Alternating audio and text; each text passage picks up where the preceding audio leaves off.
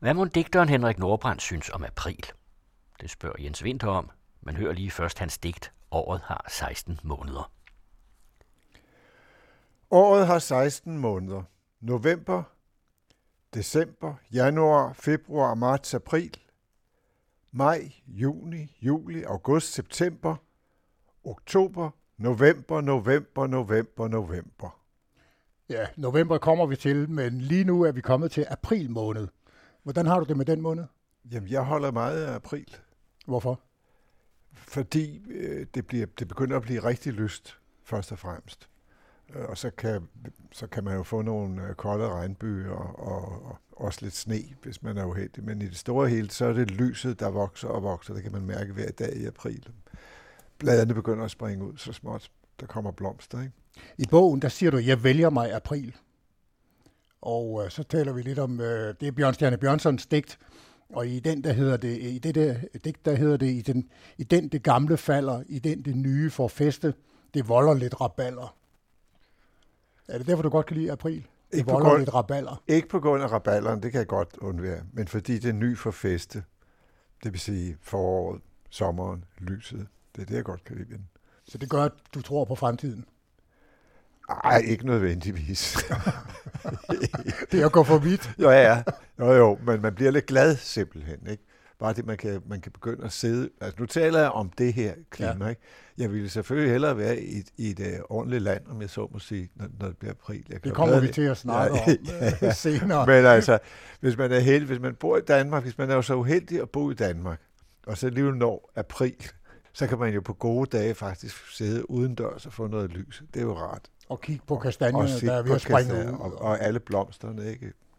Krokus og så Du har, du har faktisk skrevet et digt om april, siger du. Et digt, der ligger og roder lidt. For det er ikke udkommet endnu. Det tager udgangspunkt i T.S. Eliot's The Wasteland. The Wasteland, det begynder, der begynder digtet med April is the cruelest month. Den ondeste måned. Det er jo ikke særlig optimistisk. Nej, jeg argumenterer også imod det i det uskrevne digt, som nu aldrig bliver skrevet. Fordi når jeg nu har begyndt at tale om noget, der ikke bliver skrevet, så der ikke er skrevet færdigt, så bliver det heller aldrig skrevet. Det er én ting, jeg kan garantere for. Nu har du ødelagt det for mig. Det digt, det bliver ikke til noget. Nu vil alle være spændt på at læse det digt. Jamen, det kommer, det, det, det, det, det, det du, du har dræbt det. Du har lige dræbt Har det jeg her. dræbt ja, det? Ja, det har du. Nu skal du høre, april måned, der har vi som overordnet tema, derfor blev jeg digter. Hvorfor blev du egentlig det? Jamen, øh, det blev jeg på grund af øh, en masse tilfældigheder. Ganske enkelt. Altså, hvis jeg nu havde haft en, en bedre skolegang, eller ikke haft en så elendig skoletid, som øh, jeg har haft, så kunne, kunne det måske være, at jeg var gået på universitetet og var blevet akademiker eller sådan noget. Eller, øh, hvis, hvis hænderne havde siddet ordentligt på mig, hvis jeg ikke havde været så klodset, så var jeg måske blevet håndværker eller måske pottemager. Det ville jeg jo gerne have været på et vist tidspunkt. Mm. Men det der med at være digter, altså hvordan finder man ud af, at for eksempel sådan et digt om april ikke er blevet færdigt? Hvordan finder du ud af, når et digt er færdigt? Jamen, det har jeg heller ikke vidst før nu. Det har taget øh, 50 år. Nej, altså det er jo noget, jeg begyndte at skrive for tre år siden, tror jeg, eller sådan noget. Nå, det her digt. Ja, ja, ja. Ja, ja, ja. Men, men, men hvordan finder du ud af generelt set, øh, når et digt er færdigt? Jamen, det, det gør jeg jo heller ikke altid. Altså, jeg, jeg har fornemmelsen af, at det er færdigt, men så skal det jo ligge et stykke tid. Øh, og så kan det være, at man finder ud af, at enten at det er noget bras, eller også at det er færdigt. Det er jo, det er jo enten eller. Hvordan finder du ud af det? Jamen altså, det gør jeg jo heller ikke altid. Det gør jo også, at jeg har, har publiceret noget, som, som jeg senere godt kan se er noget bras. Det er jo meget kedeligt, men det sker. Ja, og noget rigtig godt, altså noget fantastisk. Også. Øh, Måske, det håber jeg da. Ja, det vil jeg da påstå. i Ja, ja, okay, jamen det Hvordan er livet som digter for dig? Jamen, det har jo altid været meget usikkert. Det giver sig selv. Altså, hvis man ikke har faste indtægter, så er det usikkert. Altså, jeg har været heldig at, at klare mig øh, nogenlunde. Mm. Så, men det er der jo ingen garantier for. Jeg skal ikke, altså det lyder som om, jeg, jeg sidder og beklager mig. Det gør jeg absolut ikke. Fordi øh, jeg vil jo ikke bytte det for, for, et, for et andet liv med, med mindre frihed. Altså det er så betalingen, eller prisen for, for usikkerheden, det er, eller prisen for friheden, det er ja. usikkerhed. Ikke? Mm. Men øh, jeg har jo haft al den frihed, eller næsten al den frihed, jeg gerne ville have. Så, og jeg kunne ikke forestille mig at have levet på en anden måde, det vil sige uden den frihed. Så derfor sidder jeg heller ikke og beklager mig. Nej. Vi skal lige høre det digt, som indleder april måneds kapitel. Øh, det hedder Tøjdyr. Ja. Tøjdyr. Alle må efterhånden have bemærket, hvordan flere og flere tøjdyr er begyndt at præge bybilledet. Især i månederne marts og april, når solen når det omhyggeligst hengemte skidt, bliver forøgelsen påfaldende. Betyder det, at vi, de tænksomme, melankolske, må forvandle os til rigtige bjørne, eller i værste fald bavianer? Det er en teori. Kærligheden til fædrelandet og alt det der, en anden. Og så den fortsætter en del til de skvatter om, for enden af de pinefuldt lyse aftener. Hvis jeg forstod, hvad jeg havde skrevet, når jeg iført pyjamas og tøfler, dagen efter sad på sengekanten og læste det, ville det være meningsløst, et bedrageri mod alt smukt. Mig får I ikke. Hvem er tøjdyrene? Det er jo tøjdyr. Du vil ikke du, sige, hvem det er? Nej, du får mig ikke til at, at fortolke det her. nej, men så skriver du til sidst, hvis jeg forstod, hvad jeg havde skrevet, når jeg iførte pyjamas og tøfler, dagen efter sad på sengekanten og læste det, ville det være meningsløst. Et bedrageri mod alt smukt. Mig får I ikke, skriver du. Hvordan ja. skal det forstås? Ved du hvad, det ved jeg ikke. Så ville jeg jo ikke have skrevet det, vel? Altså, det ligger jo implicit i digtet, at jeg ikke kan fortolke det. Det er jo det, det hele handler om. Vi kan godt snakke om, hvad det handler om. Nej, det kan vi ikke, fordi det handler om, at, det, at man ikke kan tale om, hvad det handler om. Okay, det må folk selv om. Ja, det synes jeg selv, virkelig selv, de må. Men øh, de kan jo også se sig omkring efter de der tøjdyr, ikke? Når, når nu den her årstid. Så, altså, folk ser jo ikke ret meget. Er de med til at gøre tilværelsen morsommere og sjovere? Mm, det ved jeg ikke, men altså, hvis folk nu vil være lidt mere opmærksomme, Altså folk er blevet meget, meget uopmærksomme i, i, i nutidens Danmark. De er, de er alt for travlt med at være effektive. Så de har ikke meget tid til at se sig omkring. Det ser man alle steder i trafikken, på gaderne, at folk ikke ser sig omkring. Og mange af dem, mange af dem render rundt med, med, med, med deres egen musikanlæg og så videre, og mobiltelefoner, og ser ikke noget som helst. Det gør, at vores fantasi ikke bliver udviklet. Ja, det tror jeg i høj grad. Mm. Hvordan begyndte du at skrive? Det er vel ikke noget, man bare beslutter sig til, er det? Nej, altså, hvad skal jeg sige, da jeg var, da jeg var sådan 10-12 år, der havde jeg aldrig forestillet mig, at jeg skulle skrive. Jeg havde knap nok lært at læse på det tidspunkt. Så det var først på et senere tidspunkt, at jeg begyndte, da jeg fandt, jeg fandt ud af, at jeg faktisk nok var meget god til at, at formulere nogle ting en gang imellem. Og øh, så, så udviklede jeg det, fordi det var det eneste, jeg var god til i skolen. Dine ungdomsår, de var faktisk øh, sådan præget af, af at være en meget ubehagelig periode. Ja, det kan man roligt sige. Altså skole og så videre. Ja, ja. Du led af anoreksi, ikke? Jo, det er rigtigt nok. Men det var først, da jeg blev 15-16 år gammel. Jamen, det gjorde vel, at du følte dig meget, meget syg, ikke? Jamen, jeg var meget syg, fordi jeg var jo, jeg var jo ved at krasse af. Fordi jeg, jeg kom jo ned på at veje, jeg tror, det var 38 kilo eller sådan noget og jeg, jeg var 1,87 høj, ikke? Så, så der var ikke meget sul på kroppen. Hvorfor krassede du ikke af, som du så smagfuldt udtrykker det?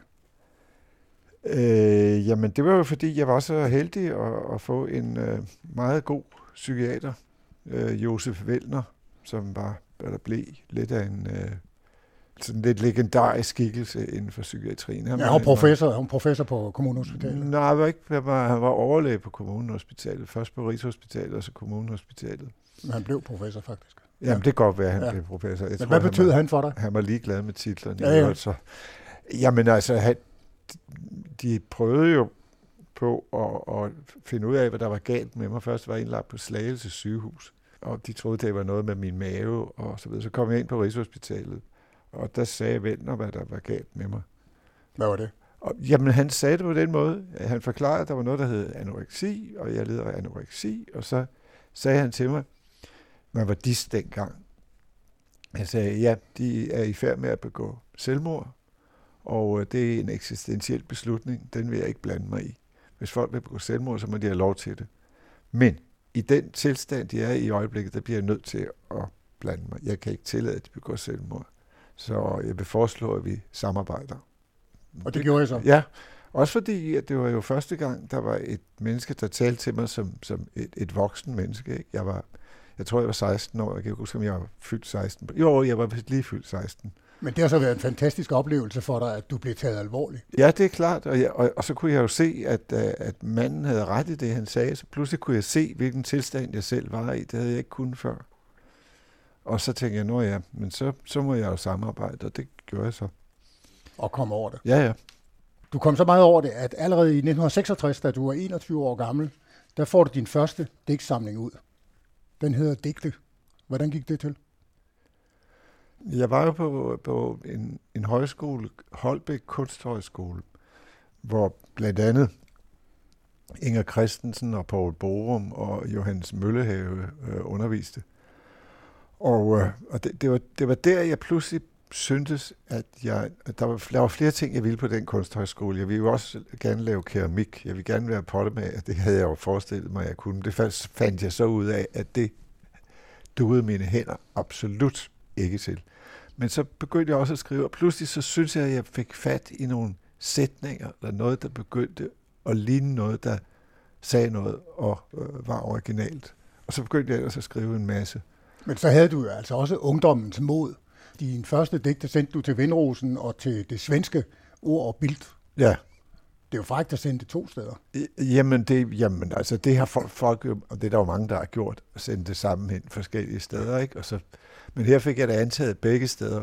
Men øh, så vi, det, jo, det er jo klart, at Vindrosen vil gerne bringe det, så kunne de jo ikke også bringe det ord og bild. Det havde ellers været meget sjovt. Ja. Men nu sagde du det der om, og at du egentlig ville have været pottemager. Øh, hvorfor det? Jamen, det var fordi det der med lær, det fascinerede mig meget. Og øh, der var på et vist tidspunkt, hvor, jeg, hvor mine forældre ikke troede, at jeg nogensinde skulle kunne lære at læse. Og de, de, som de sagde det, altså meget diplomatisk, de troede ikke, at jeg egnede mig til det boglige. Det troede de heller ikke på skolen, hverken skolen. Så jeg skulle lave noget praktisk. Og så tænkte jeg, nå, jamen, så, jamen, så er det da godt at blive pottemager. Eller keramiker, vi var nok sige. Det er sådan en pæn eller, måde at sige ja, på, at ja. du må nok hellere blive håndværker, min dreng. Ja, ja, ja, det er ja. klart, ikke? Jeg ville så gerne være praktisk, og jeg troede en overgang, jeg var praktisk, men jeg kan godt se, at den holder ikke ret langt. Det der om det praktiske, det skal vi have et dæk med om, som du har skrevet, og det hedder Paradisets have. Ja. Paradisets have. I mange år nægtede jeg at tro, at begreber som stjerneskruetrækker, spøgelse, social indkomst og paradisets have var noget, der fandtes uden for sproget.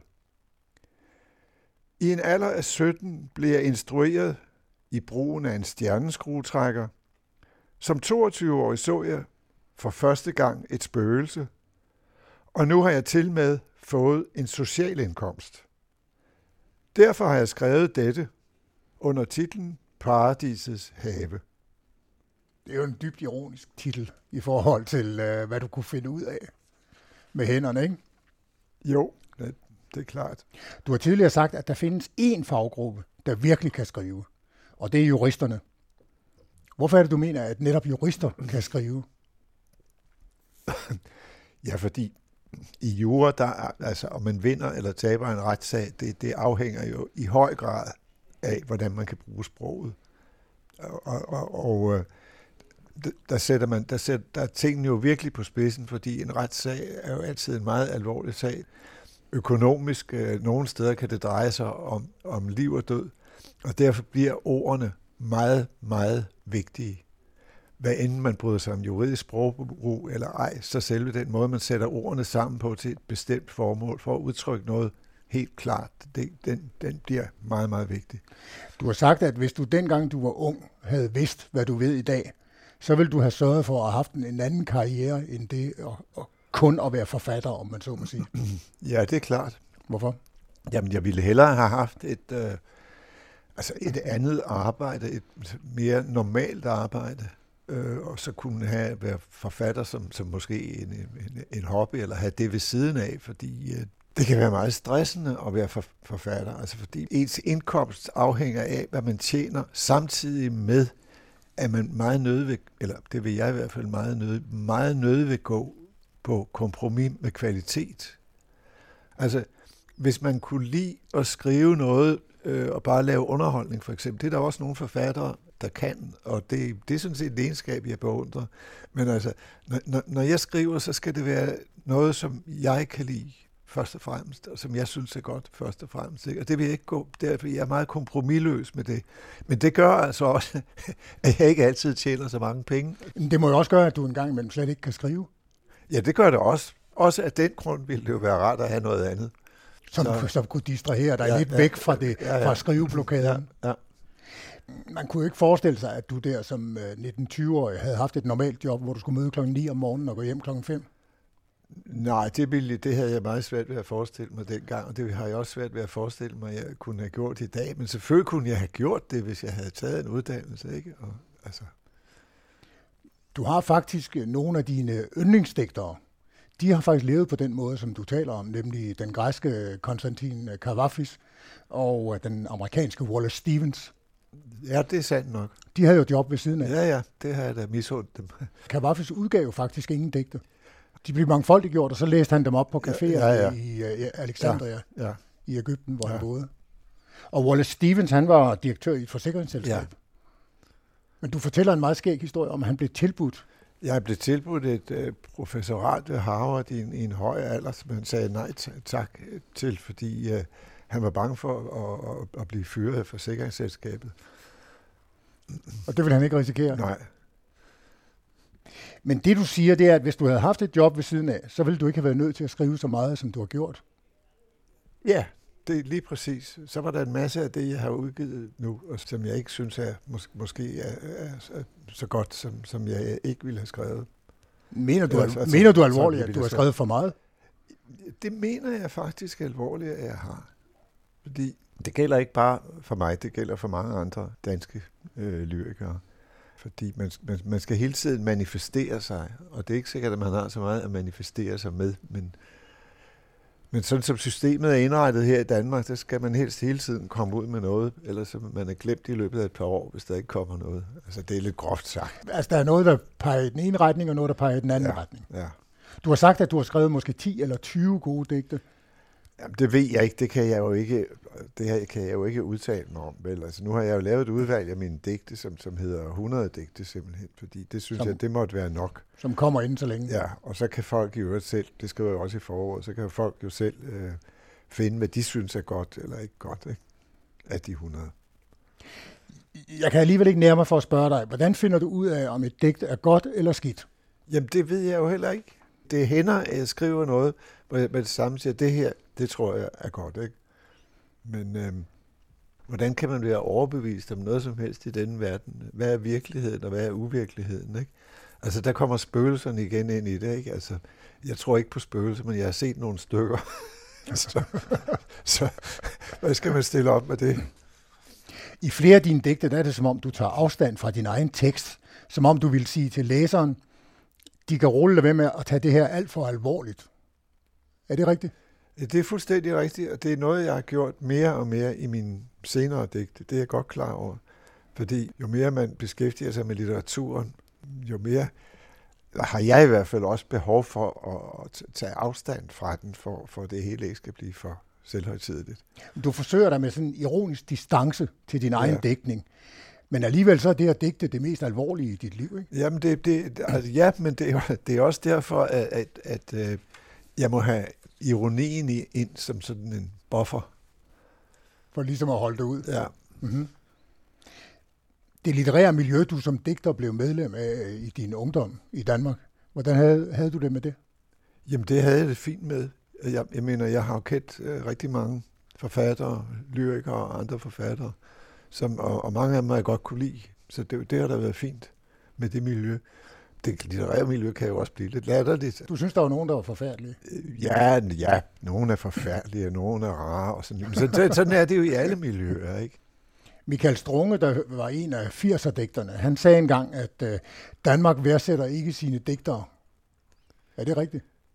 Ja, det er, det er jo både rigtigt og ikke rigtigt. Ja, ja. Altså Danmark er jo ikke et, et land, hvor digte har så stor betydning som, som i mange andre lande, også fordi der har de en politisk betydning. For eksempel i, i Tyrkiet har, har digterne haft en stor betydning, eller har en stor betydning. Ikke? Det samme gælder lande som, som Rusland for eksempel. Mm. Ikke? Altså den betydning har digte aldrig haft i Danmark, men altså stadigvæk, øh, man har altså de staten giver dem penge, mange af dem i hvert fald. Ikke? Ja, vil du gå så vidt som til at sige, at man kan skrive, hvad pokker man vil i en bog, det forandrer ikke samfundet i et land som Danmark? Nej, det passer ikke. Det passer ikke? Det, det, nej, det passer ikke. Jeg vil ikke sige, at det forandrer samfundet, men, men alting påvirker jo. Altså alt, hvad der, hvad der bliver skrevet, og, og hvad der bliver læst i, i et vist omfang, øh, påvirker jo tingene. Ikke? Det er klart. Kan poesi forandre ens liv? Det, jamen altså, hvad, hvad, hvad vil det sige, at ens liv bliver forandret? Hvad bliver ens liv forandret af? Der indgår vel mange ting i et, et menneskes udvikling. Lad os hellere tale om udvikling, en forandring. Ikke? Der kan poesi jo godt indgå som en af de faktorer. Jamen, jeg tænker på, hvis man bliver påvirket af et digt, så kan det jo godt forandre ens opfattelse af, hvordan livet ser ud. Ja, det kan det godt. Altså, i nogle få tilfælde kan det nok godt, men øh, jeg kan ikke komme på nogle konkrete eksempler, men altså nu nævnte du Eliot før, og The Wasteland. Mm. Altså, jeg tror nok, da jeg læste The Wasteland første gang, der synes jeg virkelig, der åbnede sig en, en verden for mig. Så har det også forandret din verden? Øh, ja, det har givet mig et nyt vindue, måske. Eller okay. på den måde, ikke? Hvad er det bedste ved at skrive digte for dig? Øh, det, det er, når det lykkes. Ja. Det gælder vel for alle mulige andre ting også. Hvad er så det værste ved at skrive digte? Ved at være digter? Øh, det, det er, når det, når det ikke lykkes, eller man synes, man har lavet noget, noget bras. Det, det er meget enkelt. Din gode ven, forfatteren Thomas Boberg, han øh, gør sig i en karikatur af dig morsom over, hvordan du digter. Han mener, at du på en næsten skødesløs måde kan ryste digte ud af ærmet, så det næsten virker fornærmende, skriver han. Er det rigtigt? Nej, det passer ikke. Det passer i hvert fald ikke. Det er, svær, det er sværere end som så. Ja. Okay. Vi skal øh, slutte med digtet, der hedder Programerklæring. Programerklæring. Jeg ville så gerne skrive et digt, må være den uskrevne linje, som alverdens digte begynder med. Og nu har jeg skrevet den. Det må give mine ord en vis vægt. I skal ikke vente jer rim, for jeg kan ikke fordrage rim. I modsætning til de fleste har jeg svært ved at huske et digt med rim i. Men jeg kan i massevis af urimede udenad, blandt andet dette, når det bliver færdigt. Rim spænder ben for hinanden, synes jeg, og kan dermed sammenligne rimede digte med fodbold, som jeg i modsætning til mange heller ikke er vild med. Hvad mere? Jeg kan ikke lide lugten af bagerforretninger, men synes, der lugter godt hos slagteren, selvom jeg er modstander af at dræbe dyr. Og når mere end tre personer begynder at mene det samme, mener jeg, at mindst en af dem må have uret. Derfor siger jeg, ned med monarkiet og slip så alle husdyrene løs. Hermed har jeg forelagt mit program i form af et digt uden rim. Det er et program på grund af ordenes logiske indhold. Det er et digt, fordi jeg siger, det er det. Og det var digteren Henrik Nordbrand, der sagde det. Jens Winter havde tilrettelagt.